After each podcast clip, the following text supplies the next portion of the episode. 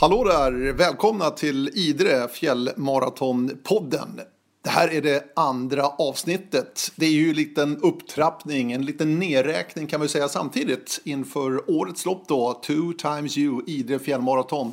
Lördagen den 24 augusti, det är ju datumet i år för den andra upplagan förresten av den här tävlingen. I det första avsnittet av Idre fjällmaratonpodden så mötte ni David Andersson och Elisabeth Hansson, de två grundarna och de som driver tävlingen där i Idre. I det här andra avsnittet så kommer ni möta Gunilla Kidmark. Hon var en av löparna som var med i premiärupplagan förra året och är en stor traillöparfantast verkligen. Har gått från asfalten till stigarna och skogen och detta på grund av att nej, hon var lite trött på asfalten och de loppen och ville komma ut i skogen istället och uppleva lite nya vyer och lite nya erfarenheter. I den här podden så pratar vi om löpningen just, att det är en stor del av Gunilla Kidmarks liv verkligen. Och vad får hon ut utav att springa? Också det är en väldigt intressant fråga. Och så pratar vi naturligtvis specifikt om Two Times You, Idre fjällmaraton. Vad drog hon för slutsatser? Vilka erfarenheter fick hon förra året, premiärupplagan, när hon sprang den långa banan 45 kilometers slingan? Och fjällen, miljön, också det är på tapeten i det här avsnittet av Idre fjällmaratonpodden. Så att det är bara att luta er tillbaka.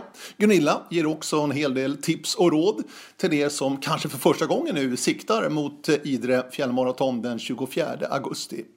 Så att eh, det är bara att bänka er. Lyssna och njut av dagens gäst som presenterar sig så här. Jag heter Gunilla Kidmark och jag är 47 år. Jag bor i Mölnlycke utanför Göteborg. Jag har man och tre barn. Tonåringar är de nu. Mm. Och jag tycker väldigt mycket om att, att springa i skogen. Det, det, är en stor del av mitt liv ja. att göra det. Ja, det förstår man om man följer dig på sociala medier så är du i princip ute varenda dag känns Jag försöker lite varje dag. Det måste inte vara jättelångt, det måste inte vara svårt och hårt utan men att komma ut och njuta av naturen och få frisk luft i hjärnan, det, det behövs det här med löpning, röra på har det alltid varit en del av ditt liv, en viktig del? Ja, det har det nog. Jag tycker om att åka skidor och åka slalom och cykla och så. Sen var det väl en period när barnen föddes och när de var små som man inte hann med det riktigt. Men sen när min, mitt yngsta barn blev ett år och man kunde lämna honom lite mer så då började jag springa. Anmälde mig till Göteborgsvarvet och tränade för det. Och och tyckte det var fantastiskt det här att när man börjar från noll och springa och nästan varje träningspass slår man rekord och det går fortare och man kan springa längre och så. Det var ju jätteroligt. Och så springa Göteborgsvarvet som är en sån löparfest, verkligen. Mm. Det var roligt. Så det sprang jag några år och andra asfaltslopp och försökte springa fortare och fortare. Och så. Men just det där att man bara pratar om hastighet kunde jag ju tycka var lite tråkigt. Att det, alla andra dimensioner med löpningen försvann. Så då släppte jag klockan och så började jag springa i skogen istället. Och försökte utveckla mig till att bli eh, uthålligare, att springa långa lopp och svårare terräng och, mm. och så. Mm. Det ska vi komma tillbaka till, absolut. Ja. Eh, men du, du sa att du hittade löpningen. Var det något speciellt eller? Ja men som, som, när man har då fött barn och allt detta så är ju, vill man få tillbaka kroppen och man vill känna sig stark och man vill komma eh, hemifrån kanske till och med lite grann. Ja. Då är ju löpningen ett väldigt enkelt sätt att, att komma, komma i form. Mm. Om man tar det lugnt och försiktigt i början. Mm. Men du själv då Gunilla som liten och tonåring? Var det mycket idrott då också? Nej, nej men jag har aldrig tränat i en klubb eller så. Men eh, när vi var unga så rörde man sig ju ja. naturligt på ett annat sätt än vad barnen gör nu.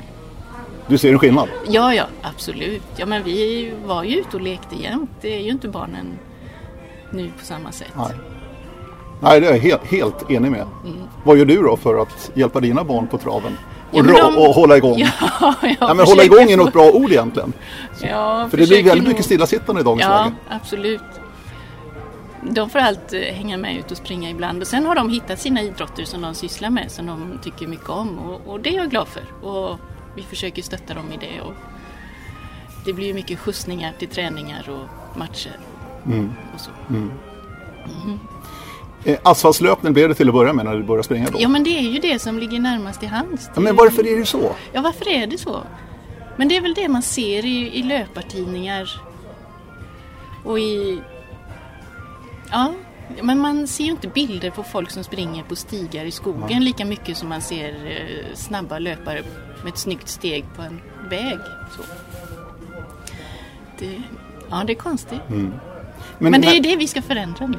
Ja, exakt. Så att folk jo, börjar ge ja. sig ut i skogen. Absolut, ja, skogen är ju världens bästa element tycker jag. Alltså. Personligen då. Men du, när du då tog upp löpningen efter ditt eh, tredje barn ja. och började springa. Ja. Satte du upp något mål då direkt eller var ja, det någonting som växte fram? Du anmälde dig direkt ja, då? det var moroten under hela... Ah, okay. Är det viktigt för dig med de här morötterna? Ja, loppen är väldigt viktiga faktiskt. In, inte som tävling, för jag tävlar ju inte mot någon annan och knappast mot mig själv heller. Men det där att, att sätta upp ett att klara av en utmaning på ett så bra sätt som möjligt. Att ha roligt längs vägen och känna sig stark och kraftfull och, och gå i mål och vara lycklig. Det är väl det är ju mitt främsta mål med loppen. Mm. Och få se nya platser och träffa nya människor. Mm. Men då när du satte igång, hur, hur visste du hur du skulle träna och sådär för att trappa upp då och orka med då ett Göteborgsvarv, en halvmaraton som det är? Ja, men det... Jag läste nog... Det fanns väl inte så mycket sociala medier då kanske, för tio nej, år sedan. Nej, inte lika mycket i alla fall. nej, men jag läste nog löpartidningar och, och de här vanliga programmen som finns. Sådär, hur springer du milen under en timme och sånt. Mm. Ja. Men... Eh, och sen lär man sig av sina misstag också när man känner att det blir en överansträngning någonstans. Mm. Men det har ju nästan försvunnit sedan jag började springa i skogen för det är ju så skonsamt och väldigt snällt. Mm. Men du, det kan ju vara någon som nu funderar på att dra igång det här. Hur tänkte du? Hur, hur mycket sprang du i början då när du drog igång det här? För det är ganska ja. korta pass i början kan jag tänka mig. Ja, Ja, jag minns ju första gången jag sprang två kilometer i, i, en, i följd. det ja, var jo, ju precis. fantastiskt. Och sen, ja, men det är klart man får starta väldigt lugnt och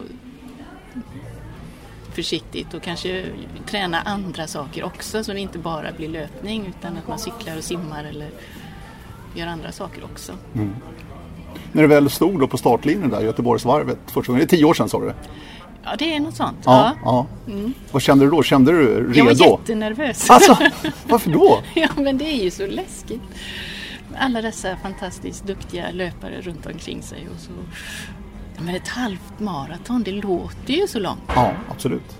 Det låter jättelångt. Det är det ju inte, men det Men var det långt. det då? Kändes det långt den här Ja. gången? Gjorde det? Ja, men det... Och då tror man ju att man inte kan...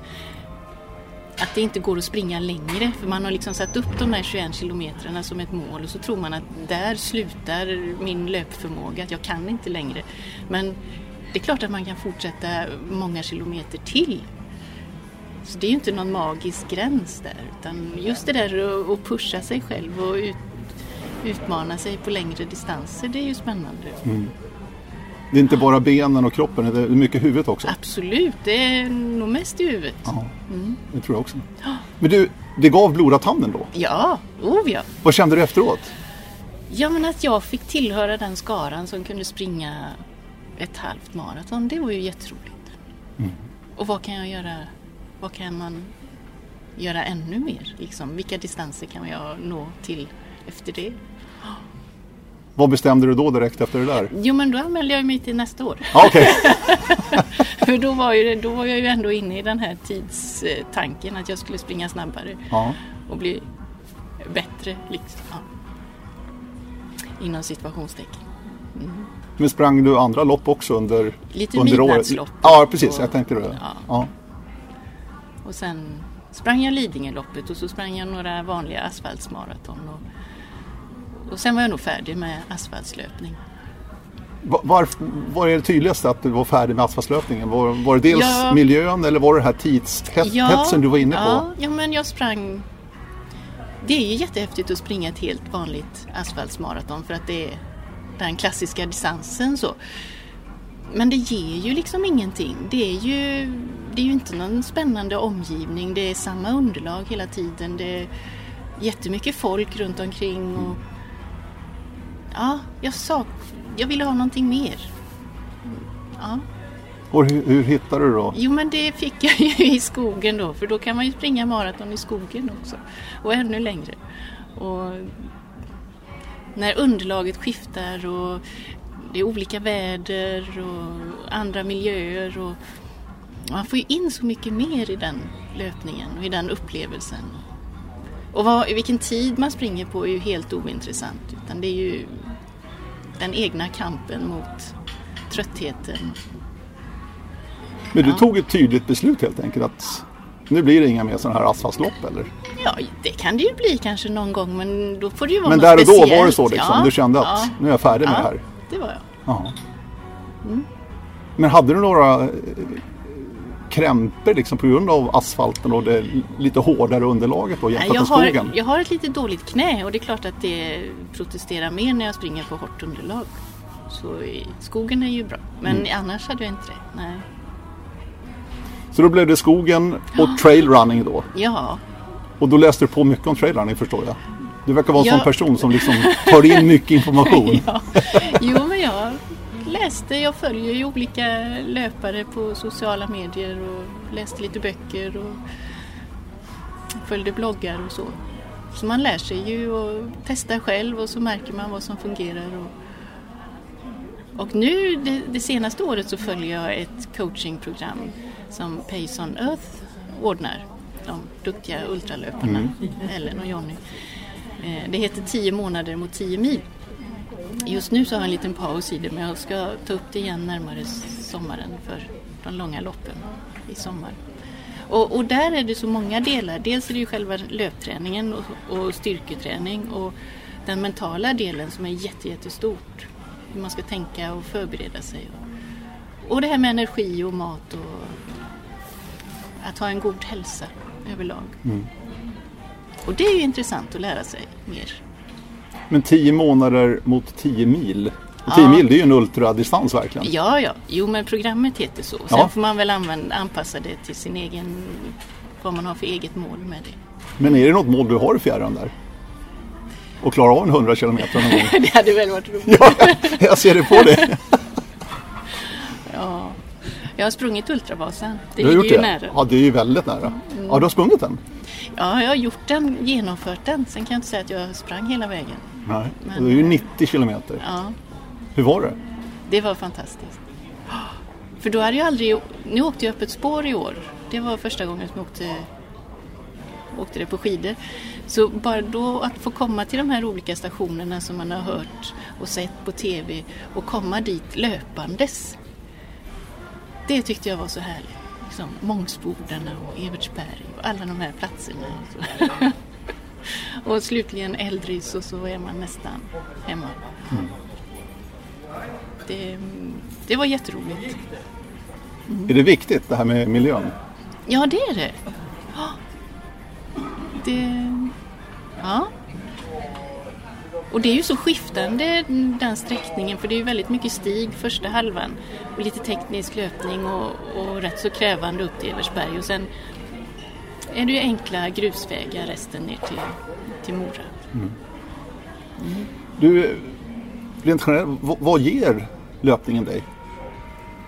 Ja, det, det ger det ger ju väldigt mycket. Det är klart det är träning och kondition och styrka och balans och så men Sen är det ju otroligt viktigt för bara välmåendet att komma ut i naturen.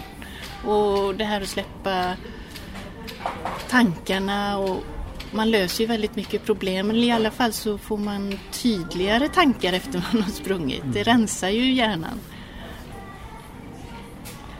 Och sen är det ju vetenskapligt eh, belagt att man släpper stress och oro och så bara av att vistas i naturen. Mm. Om man dessutom springer så är det ju ännu bättre. Mm. Du, eh, fler borde prova på löpning kan jag känna. Ja, när du säger det här. Ja, det tycker jag. Men allmänna folkhälsan är ju ja. sådär om vi ska vara ärliga. Men det är väl därför kanske som vi behöver lyfta detta att man kan springa att löpning är glädje och löpning är enkelt och löpning måste inte vara tävling även om det är det man ser kanske i, i tidningar och ja, där, löp, där man läser och följer löpning på olika sätt så handlar det om tider men att det är så mycket mer. Men du, människan är ju av naturen lat sägs det. Mm. Ja, av naturen alltså. Ja. Hur, vad har du för knep för att ändå ta ut? För det är ju där ett motstånd ja. sitter hos väldigt många. Att man hittar någon bortförklaring. Det kan vara dåligt väder. Ja. Nej, jag känner att här ska avsår. Eller vad som helst. Ja. Vad har du för knep att ändå? Nej, men man får inte tänka. Nej, okej. Okay. man bara gör faktiskt. Och att man gör att man har en kontinuitet. Det här som jag, jag har ingen runstreak att jag springer varje dag. Det är ju en del som, det är ju en hjälp för vissa. Men jag springer nästan varje dag. Och att, man, att det bara är något man gör utan att tänka efter så mycket. Så regnar det så tar man på sig eller klär sig för kyla och regn och vind och, eller vad det nu är. Och så gör man sin lilla runda. Och det måste ju inte, som jag sa, det måste ju inte vara jättelångt. Det måste inte vara besvärligt. Men att man gör det så att det är en vana. Att huvudet inte tänker så mycket just på det där. Och bara man kommer ut så löser det sig och man ångrar sig ju aldrig sen när det är färdigt. Och då är, liksom, får man spara den goda känslan efteråt och mm. ta fram nästa gång. Men, men jag tänkte på det, du har, eller ni har tre barn. Mm. Eh, jag menar med det här med tiden och hitta när du ska springa. Hur väl planerar du upp en... Jag vet inte hur du... Planerar du på något sätt eller? Ja, men det måste du göra. Ibland så är det ju jättesvårt att få. Jag försöker kanske en liten stund på lunchen eller på kvällen när någon tränar och att man springer under tiden eller så. Och nu så har ju vår största, största son, han har eget körkort så honom behöver vi inte skjutsa längre. Nej, det är ju väldigt skönt. Ja. Men, men visst är det en tid när barnen är små när det är svårt att hinna med. Det, och då får man ju anpassa sig efter den tiden som finns. För löpningen ska ju ändå tillföra i livet. Det ska ju inte bli ytterligare en press att man ska prestera i det också. Utan att göra den anpassad efter det man hinner. Mm. Och att de här små tillfällena också ger i slutändan. Tänk på det här med planering som jag pratade om. Ja. Har du också en träningsplanering? Ja, när jag följer det programmet då är det ju ja, vissa pass det. som ska in varje Ja, det är så alltså? Ja. Och då får man ju bestämma i förväg när jag gör vad. Mm. Och då är det ofta lite längre på helgen. Och... Mm. Tio månader mot tio mil, lite längre på helgen säger du. Hur långt, hur långt bör du springa då? Ett långpass liksom i den här träningsplaneringen? Ja men det är uppåt tre fyra timmar ja, i rörelse. Sen måste det ju inte vara löpning hela vägen utan det är ju att vänja kroppen skonsamt vid att hålla igång under lång tid. Och att man stärker muskler och fästen och senor och allting under lång tid. Och sen tycker jag om att göra back-to-back-pass, att man springer flera dagar i rad. Fredag, lördag, söndag kanske. En och en halv timme på fredagen och tre och en halv på lördagen och kanske två och en halv på söndagen. Då får man ju jättemycket springtid fast på ett skonsamt sätt. Och man får vänja sig vid att Eh, på söndag morgon är man inte så himla pigg i benen men det, det går alldeles utmärkt att, att springa ändå och lära sig det. Eh, ni bor i Mölnlycke sa du, mm. utanför Göteborg. Mm. Har du någon favoritrunda? Något favoritområde? Vi har en jättefin sjö som heter Yxsjön. Där det är varierat eh, kuperat, det är granskog, mossa, mossa och mossor. Så man blir lite blöt och bäckar och hoppa över. Och så. Den är jättevacker. Mm. Den tar nästan en och en halv timme att springa runt. Mm. Mm. Är du på stig hela tiden? Springer du lite obanat också eller hur är det? Nej, inte så mycket obanat. Det är, jag, det är mest stig. Det är orienterarna som gör det? Ja, det är det. men det är kanske att jag... Ja, nej men det är verkligen något jag borde... Det kan jag bli bättre på.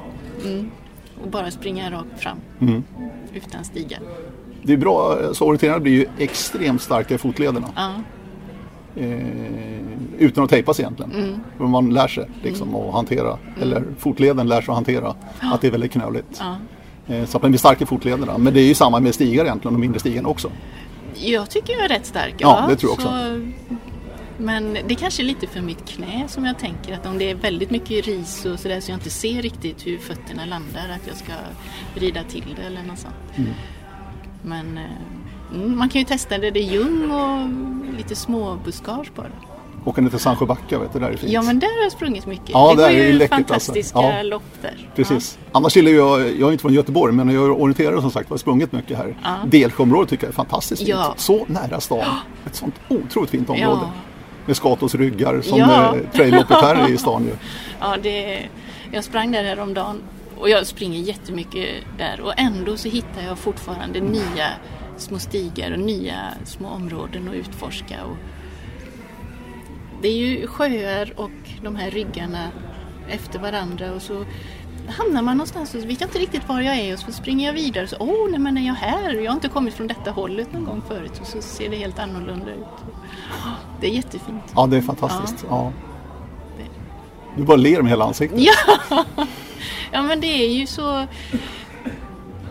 Det är ju ett litet äventyr fast utan några risker och det är inte farligt. Men att ge sig ut i skogen och upptäcka någonting nytt och kanske vara alldeles själv och i sin egen fart. Ja, det tycker jag. Men där tror jag många har ett litet motstånd faktiskt. Att Lite man är rädd. rädda ja, Ja. för att vara ensam ute i skogen. Ja. Mm.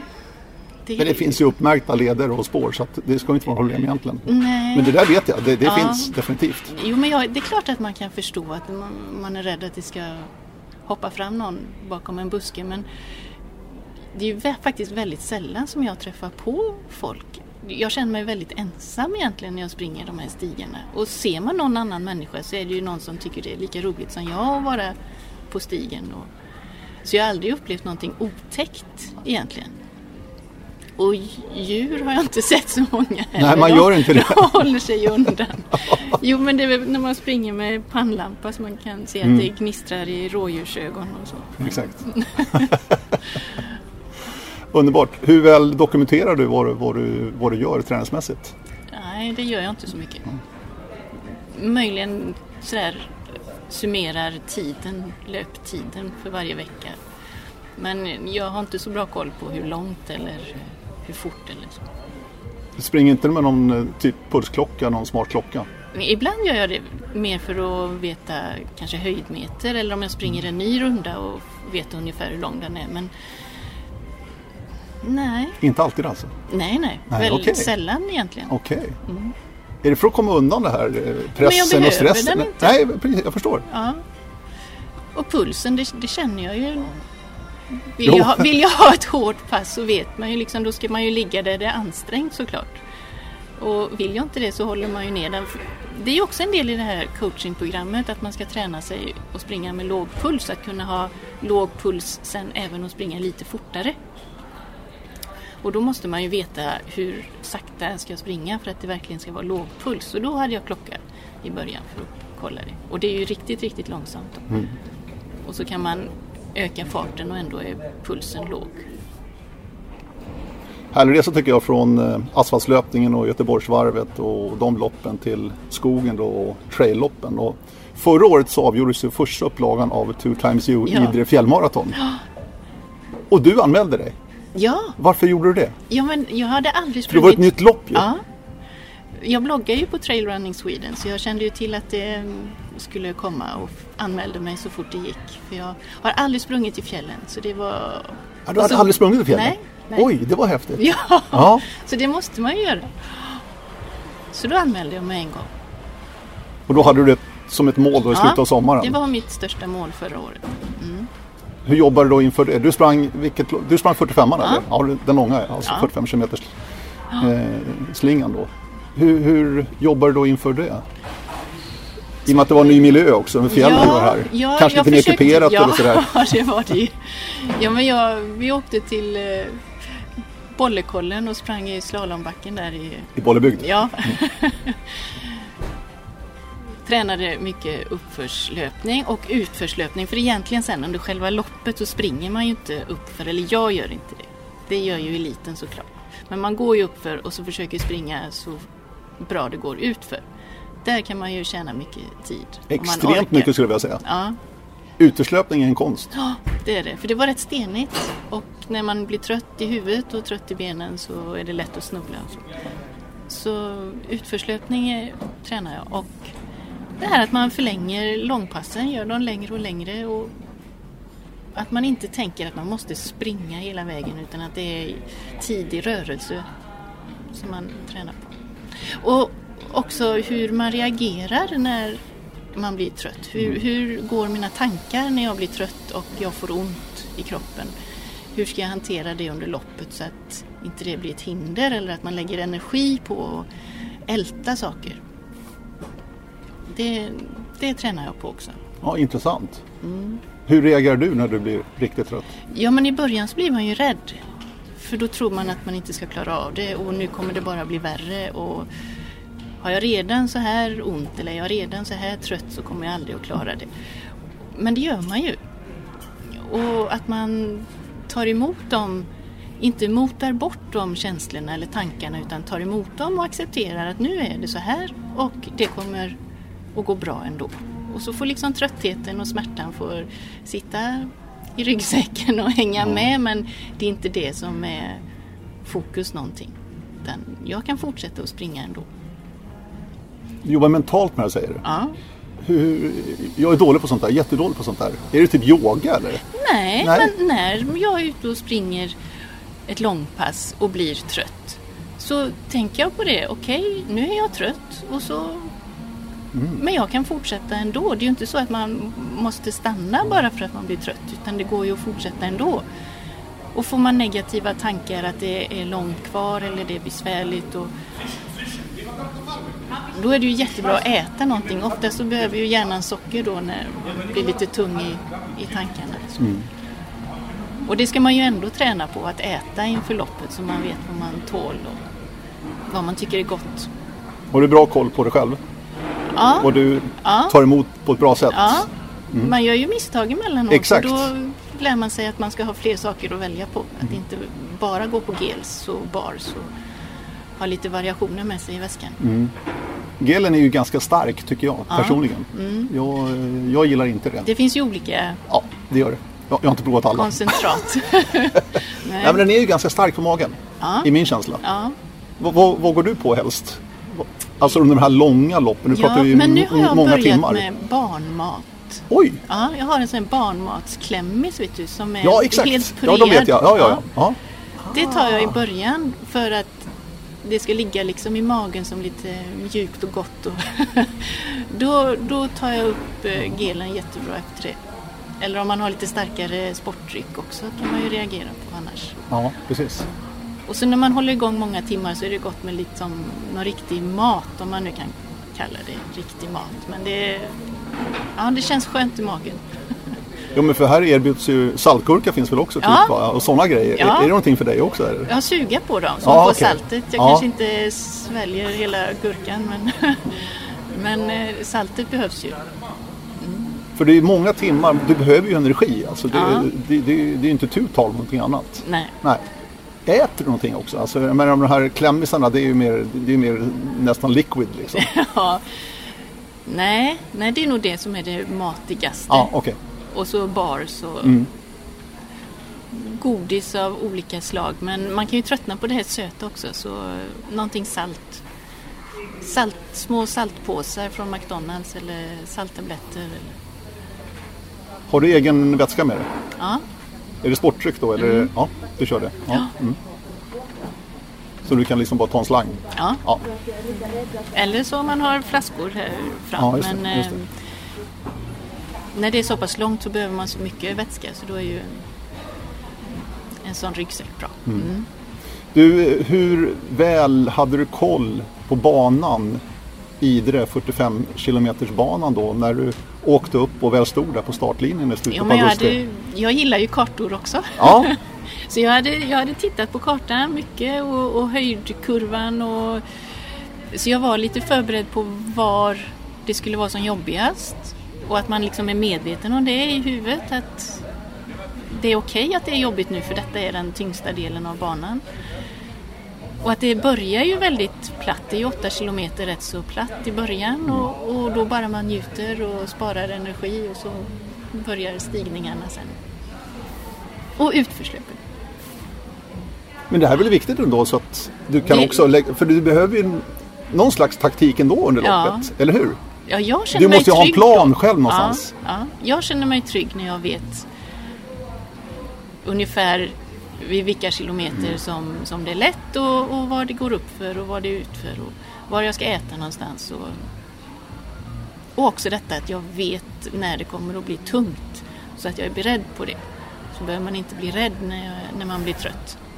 Stämde det med ja. vad du trodde? Ja. Var det så? Ja. Jo, den, det är ju en... Eh, när man springer i slutet springer man upp för städjan. Mm. Man inte ända upp på, men rätt så högt upp på. Och det var jätte, jättejobbigt och det förstod jag ju för då är man så långt in i loppet så då är man ju trött. Och jag tog mig upp för sakta, sakta, ett litet, litet steg i taget och man drar sig i de här björkarna. ja. Och så kommer man över trädgränsen och ser utsikten. Och då helt plötsligt så får man ju nya krafter för då förstår man ju hur långt upp man har klättrat eller gått. Mm. Och då, då gick det ju lättare att springa upp till vändplatsen, äh, vändpunkten och så gick det utför igen. Det var häftigt. Att man, när man ser utsikten så får man nya krafter. Ja, fantastiskt. Ja. Men omgivningarna är ju fantastiska. Ja, det är så vackert. Ja. Och så renarna som man väntar på hela vägen. Du fick se dem? ja, till slut. I sista backen ner till mål kom de. Jag letade efter dem på fjället. Jag såg dem inte där. Var det som du hade tänkt det? Det var nog ännu bättre. Det var så? Ja. Att det, det var så omväxlande bana. När man springer då i början nere på lite myrmark och så genom fjällskogen och så upp över träden och ner i mossan. Väldigt omväxlande bana. Tekniska stigar och spångar. Och, det är och lite här, stenigt bitvis. Det är väldigt stenigt. Men då har du sprungit mycket där? Du ja, vet ja. Att, ja. ja, absolut. Det är väldigt stenigt bitvis ja, skulle jag säga. Ja, och så en sten i botten är det verkligen. För oss som orienterar som springer obanat då så känner man det ännu tydligare hur mycket sten det är under blåbärsriset och ja, här, alltså hela tiden på många ställen. Så man visste inte riktigt vad man tjänade på att springa på stigen för då såg man stenarna. Eller Exakt. om man skulle springa bredvid ja. för då blir det lite mjukare men då såg man inte riktigt hur stenarna var. Nej. Nej. Hur de låg. Mm. Det är en annan sak som är viktig som jag tänker på där du också kan ge lite råd kanske. Det, det är klädsel och skor och sånt här. Mm. Att tänka på inför just fjällmaran i Idre specifikt då som du har kört en ja. gång nu alltså. Hur tänker du där överhuvudtaget, alltså just klädsel? För många tar ju på sig för mycket kan jag tycka. Ja, ja. Ja, men då är det nog bättre att ha med sig något eh, yttersta lager. I ryggsäcken? Ja. Mm. För det var lite kallt när vi startade men sen blir man ju, man blir ju alltid varm. Exakt. Så, och det är ju värdelöst att springa och svettas för mycket. Men man ska väl ha med sig mössa och vantar, det tror jag är obligatoriskt. För det, kan, det är klart att vädret kan slå om så det blir jättekallt men då sprang jag i, i korta shorts och eh, en tunn långärmad tröja. Och så hade jag väl väst, eh, jacka med mig. Använde du den någon gång? Nej. Nej. Det var fine liksom? Ja. ja. Det kom en liten regnskur men det var ju bara skönt och så blir man sval. Ja, just det. Ja. Men det här med skor då Gunilla, ja, för det där är ju, är ju alltså, det finns ju en enorm marknad alltså. Ja. Vad för typ skor sprang du i förra året? Då hade jag ett par Hoka-skor som Hoka är ju medarrangör. Ja, exakt. Då hade jag ett par Hoka Speedgoat som är väldigt dämpade och väldigt snälla mot knäna och de var väldigt sköna. Men de är lite stora också. Så i år tänkte jag nog ha ett par eh, Icebug som är lite tunna, inte så mycket dämpning. Väldigt mönstrade med mycket grepp. Ska vi se hur det blir mm. bland stenarna. Ja, just det. Det här är någonting du testar också för att man, man kan inte springa med nya skor. Nej. Du måste hinna springa in dem ja, lite grann, ja. eller hur? Oh, ja. ja. Men eh, de, är, de kommer vara väl insprungna då. Ja. Men vad är orsaken till att du bytte framförallt? Ja, men jag Det var nog det att de kändes Lite klumpiga. lite för klumpiga. Men, men de var väldigt snälla mot knäna och det är väl det jag får tänka på när jag springer långt. Att det, det är knäna som tar mest stryk för mig. Men i och med att underlaget är mjukt också, det är ju inte stenigt hela vägen, så tror jag att det går bra med mindre dämpning. Du, eh, vad tar du med dig från förra året och inför, inför året? Lägger om planeringen, träningen? Alltså har, för man lär sig någonting Ja. varje, varje gång man springer ett lopp naturligtvis. Oj! Ja, men jag tyckte nog jag gjorde rätt bra förberedelse förra året. Så Ja, det låter jag, som det. Så jag tror jag gör likadant. Och eh, sen kommer förutsättningarna förmodligen att vara annorlunda. Vi hade ju tur med väder och vind och temperatur och så. Det var ju väldigt behagligt. Nu kan det ju bli helt annorlunda och mycket blötare och geggigare. Då får man ta det så som det blir. Mm. Och spana efter renarna. Just det, ja, ja. Ja, de finns någonstans där ute. Det är alltid så på somrarna. Någonstans går de hitta. Du, eh, är det viktigt också att vara bättre i år än förra året för dig någonstans? Alltså rent tidsmässigt? Nej, Nej, det är det ju inte. det är inte det. Nej. Nej. Det här är någonting man klarar av bara. Ja, ja, men om jag ska förbättra någonting, vad skulle det kunna vara? Ja, men det är kanske utförslöperna då, att vara ännu starkare utför, men... Ja, nej men jag, tyck, jag hade roligt hela vägen. Jag fick aldrig någon sån där dipp eller att det blev besvärligt. Och... Så det är nog att försöka ha det lika skoj och vara lycklig när jag går i mål. Och det var jag. Det är ju ett sånt löparminne som jag kommer att ha resten av livet. Just det där, man hade, den sista backen är ju jättebrant, det är ju en slalombacke man tar sig upp och så kommer man upp på toppen.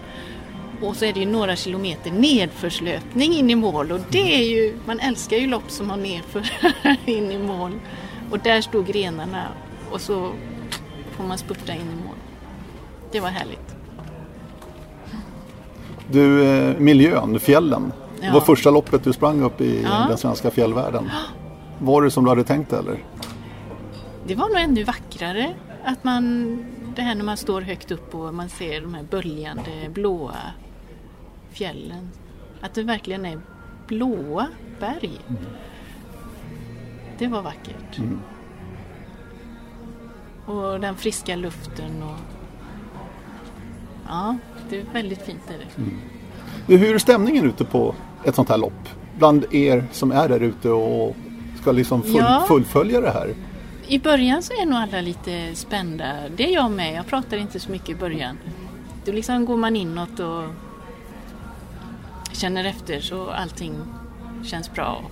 Och sen allt eftersom man blir trött och behöver energi så pratar man med andra och lyfter och hejar på varandra. Det är så? Ja. ja. Det blir Sen är socialare inte- och socialare alltså? Ja, ja men så är det.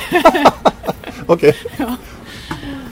Trots att man blir tröttare och tröttare? Ja men tänker du jag. vet, det, det ger det är ju lite kraft. motsatsförhållande nästan. Ja. Nej, men det, man kan ju tänka att man hejar och pratar upplyftande med någon annan för att ge kraft. Men det är ju faktiskt så att man får, man ger sig själv energi genom att prata med andra. Och, och så ska man väl tänka på att säga positiva saker. Man behöver inte gnälla över det som gör ont eller att man är trött eller sådär. Man behöver inte förstärka det. Varken för sig själv eller för den andra som också är trött. Utan att man pratar om vackra, hur fint det är och hur bra det går och hur gott det känns. Ja, just det. Ja. Du, du sa det Gunilla att du kände dig väldigt glad och nöjd när du gick i mål. Men, men hur kände du det rent fysiskt, kroppsligt? Hur känner man sig? Man känner att man har, hela kroppen är ju väldigt trött. Man har ju använt varenda muskel känns det ju som. Men det är ju en sån underbar trötthet. Och även när man känner att man är trött i huvudet, att man har använt hela sin kapacitet och kämpat i många timmar och så klarar man av det. det då, då spelar inte den tröttheten så stor roll. Hur- Hur tar du hand om kroppen efter sånt här lopp? Gör du något speciellt eller? Är det... Nej, jag, nej, det Nej. gör jag inte. Nej, men jag Den får på... nog vila lite Ja, och så självklart. rör man sig. Ja. Det är okej. inte, helt, inte helt passiv vila, man kan ju röra på sig lite grann men eh, Nej, men så här- Äta mycket. Ja, Man, jag är, ju, förstår man det. är ju hungrig. Man måste ju fylla på. Ja. Men massage och sånt här tänker jag. Nej, Det är ingenting du har praktiserat. nej, det kan jag... Det ska jag prova. Men hur länge sitter det i? Några dagar. Så här är det ju. Fler gånger du har sprungit långt, desto snabbare går återhämtningen efteråt. Så nu, nu går det rätt så fort faktiskt. Jag kan småjogga några dagar efter. Men man ska ju låta allting läka. Det är klart att kroppen är ansträngd. Man ska inte fresta på och börja springa hårt för tidigt. Men jag, om jag jämför med första gången som- jag sprang Göteborgsvarvet, då kunde jag väl inte springa på flera veckor efter. Och nu kan man småjogga några dagar senare så är det ju någonting helt annat. Man, man lär ju kroppen. Så känslan var att det här vill jag göra igen när det gick i mål. Ja. Det var oh, så? Ja. ja. Ja, men den känslan i mål, det är nog en stor del av mitt varför när jag, att jag springer långa lopp. Att eh, man känner att man har verkligen ansträngt sig och man har förberett sig och tränat och genomfört och klarat av det. Och det då får man en sån endorfinrush i, i målet. Du, eh, vi träffas här i Göteborg nu i mitten på april. Ja, En fantastiskt fin dag. Kyligt Mm. blir det men det är fantastiskt fint ute. Den här krispiga luften. Syrerika luften. ja. Som är härlig att vara ute och springa i. Du, eh, hur ser tiden fram till slutet på augusti nu och Two Times You Idre fjällmaraton ut? Ska du springa några, några lopp? Jag har lite kortare lopp nu framöver. Det är trailvarvet under Göteborgsvarvsveckan. Och eh, jag ska springa i Stockholm, Eco Trail Stockholm. 32 kilometer blir det där. Och eh, kanske blir något annat lite kortare innan. Och så blir det detta i Idre. Och sen ska jag springa Icebug Experience Ultra veckan efter Idre. Oj, Så det är lite kort om tid däremellan. det blir tufft Ja. alltså. Då är den 88 mil drygt, 50 miles. 88 kilometer. Ja, det är kanske det. 88. 88. Inte 88 mil, Nej, men 88 kilometer. ja, Ja. jag tänkte det var 50 miles. Ja, Ja. precis. Ute i Bohuslän. Ja, det är Bohuslän. Mm. Ja, läckert. Bohusmalmen upp till Ramsvik. Oj, oj, oj. Det är fina trakter. Ja, jättefint. Mycket kala hällar där. Ja, det är det. Då får man ha bra skor. Ja. Du, hur gör du ditt urval när det gäller de här loppen du pratar om? nu? Är det någonting liksom när du plockar de loppen du vill springa? Det är ju roligt att komma till ställen som jag inte har varit på. Så Stockholm ska bli jätteroligt, Eco Trail, för jag har ju sprungit Lidingöloppet och jag har sprungit maratonbanan men att komma nu någon annanstans, det ska ju bli jättekul. Och även om man springer på samma lopp eller samma arrangör som man har gjort tidigare så kan man ju välja kanske en annan distans så det blir någonting, någonting nytt. Så jag får uppleva någonting annat. Det är viktigt det där att få lite olika miljöer Ja. och Ja, nya intryck. det det. Ja, känner igen det där. Det är hur bra som helst. Eh, Börja springa orientering förresten. Då får man också väldigt mycket Ja. nya miljöer, nya skogar. Det- det är så likadant där, att man vill åka till olika ställen i Sverige. Ja. För det är helt olika terrängtyper. Och det är likadant med trailloppen. Ja. Skåne har ju sin karaktär liksom, på sina traillopp. Vad fantastiska bokskogar och helt underbar natur där också. Och Bohuslän som du sa, och Norrland. Och, Eller Idre är ju Svealand i och för sig. Men Ja. ändå. Sverige är ju fantastiskt på det Ja. sättet. Utomlands då? Har du varit utomlands och sprungit? Nej, Det kanske är någonting Ja. framöver. Ja, det skulle jag gärna göra, var som helst. ja var som helst. Nej men, ja. Det får, det får komma. Verkligen. Du, eh, Idre fjällmaraton Two Times You har ju en eh, liten underrubrik. Ja. När du känner dig oslagbar. Ja. När känner du dig oslagbar Gunilla? Ja, det är nog där i målet. När man har gjort det. Eller när man står högst upp och har klarat den värsta branten. Och vet att eh, man har kapacitet att göra det flera gånger till. Fast man inte tror det just när man är i det. Men eh, man fortsätter bara ett steg i taget. Ett, bara tänker här och nu och så tar man ett steg till och ett steg till. Och så kommer man upp och så vet man att det här kan jag göra igen och igen. Då är jag nog oslagbar. Det blir en bra slutpunkt Ja. det här. Fantastiskt bra Gunilla. Du, eh, vi ses i Idre då, slutet på gör augusti. Ja, Tack snälla för att du kom Tack. förbi. Tack. Tack. Gunilla Kidmark alltså med i Fjällmaratonpodden. Du eh, och ni, vi hörs framöver när ni minst anar det. Hej då! När ni minst anar det. Hej då! När ni minst anar det.